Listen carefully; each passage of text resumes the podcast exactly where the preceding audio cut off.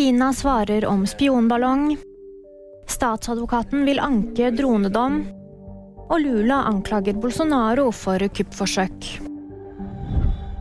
En spionballong er blitt observert i USA og Canada. Amerikanske myndigheter hevder at ballongen er kinesisk, og nå har det kinesiske utenriksdepartementet sagt at de vil sjekke dette nærmere. Det melder nyhetsbyrået AFP. Vi håper begge sider kan håndtere saken rolig og forsiktig, sier en talsmann for Utenriksdepartementet, ifølge NRK.